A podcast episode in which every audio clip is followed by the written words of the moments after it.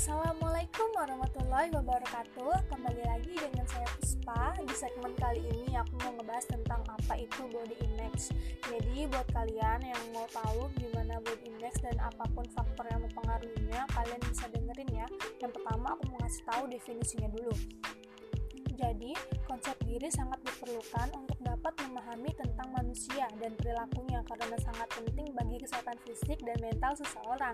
Konsep diri yang positif memungkinkan seseorang untuk menemukan kebahagiaan dalam hidup dan juga untuk mengatasi kekecewaan dan perubahan hidup.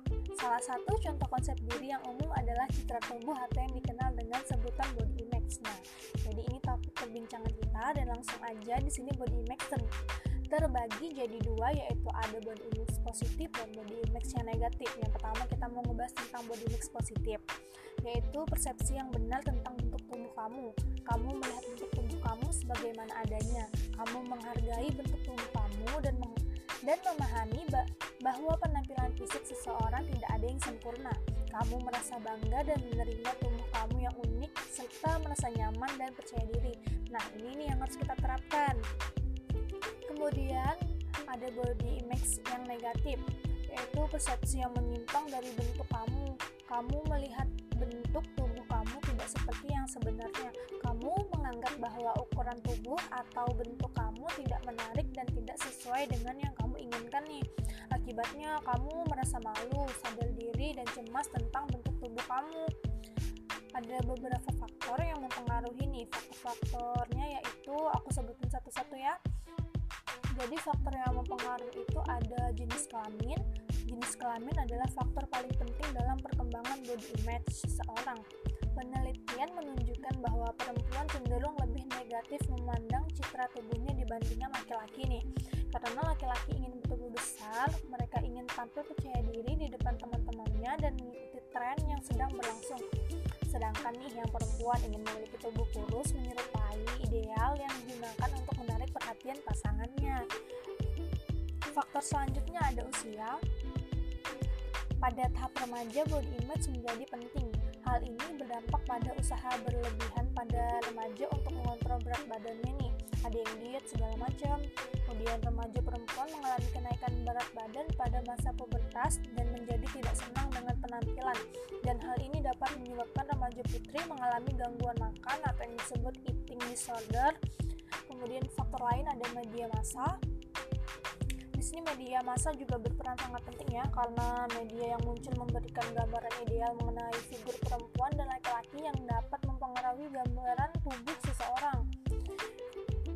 Media massa juga memberi pengaruh yang paling besar. Isi tayangan media sering menggambarkan bahwa standar kecantikan perempuan adalah tubuh yang kurus dan gambaran ideal dan gambaran ideal laki-laki adalah dengan memiliki tubuh yang berotot nih.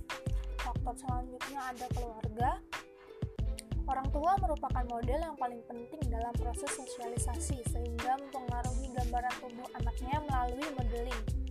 Feedback dan instruksi komentar yang dibuat orang tua anggota keluarga mempunyai pengaruh yang besar dalam gambaran tubuh anak-anak. Orang tua yang secara konstan melakukan diet dan, berbicara tentang mereka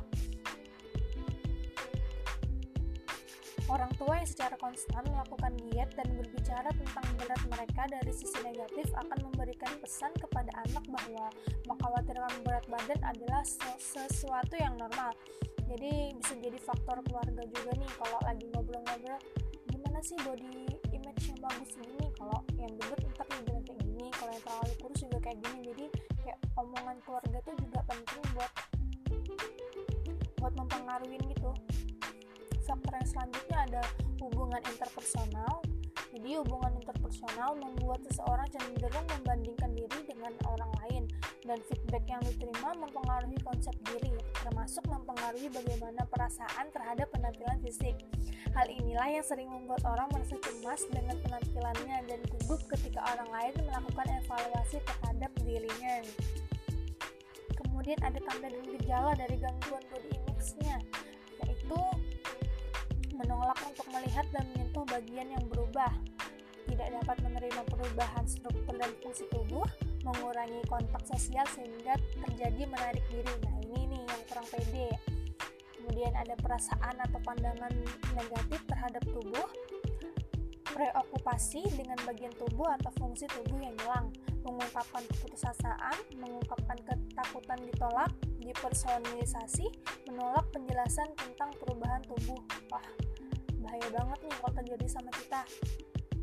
Jadi, kita semua ingin memiliki tubuh yang sehat, namun tubuh yang sehat tidak selalu dikaitkan dengan penampilan. Bahkan, tubuh yang sehat datang dalam segala bentuk dan ukuran nih, jadi jangan khawatir. Mengubah body image kamu berarti mengubah cara kamu berpikir tentang tubuh kamu. Pada saat yang sama, pilihan gaya hidup yang sehat juga kunci untuk meningkatkan body image.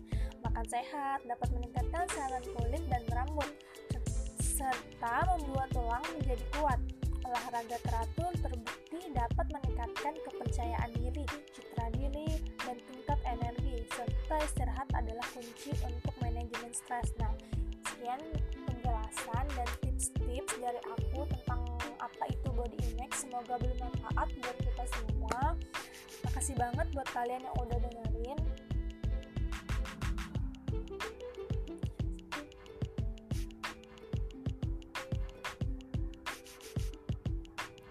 Sampai jumpa di segmen lainnya. Assalamualaikum warahmatullahi wabarakatuh.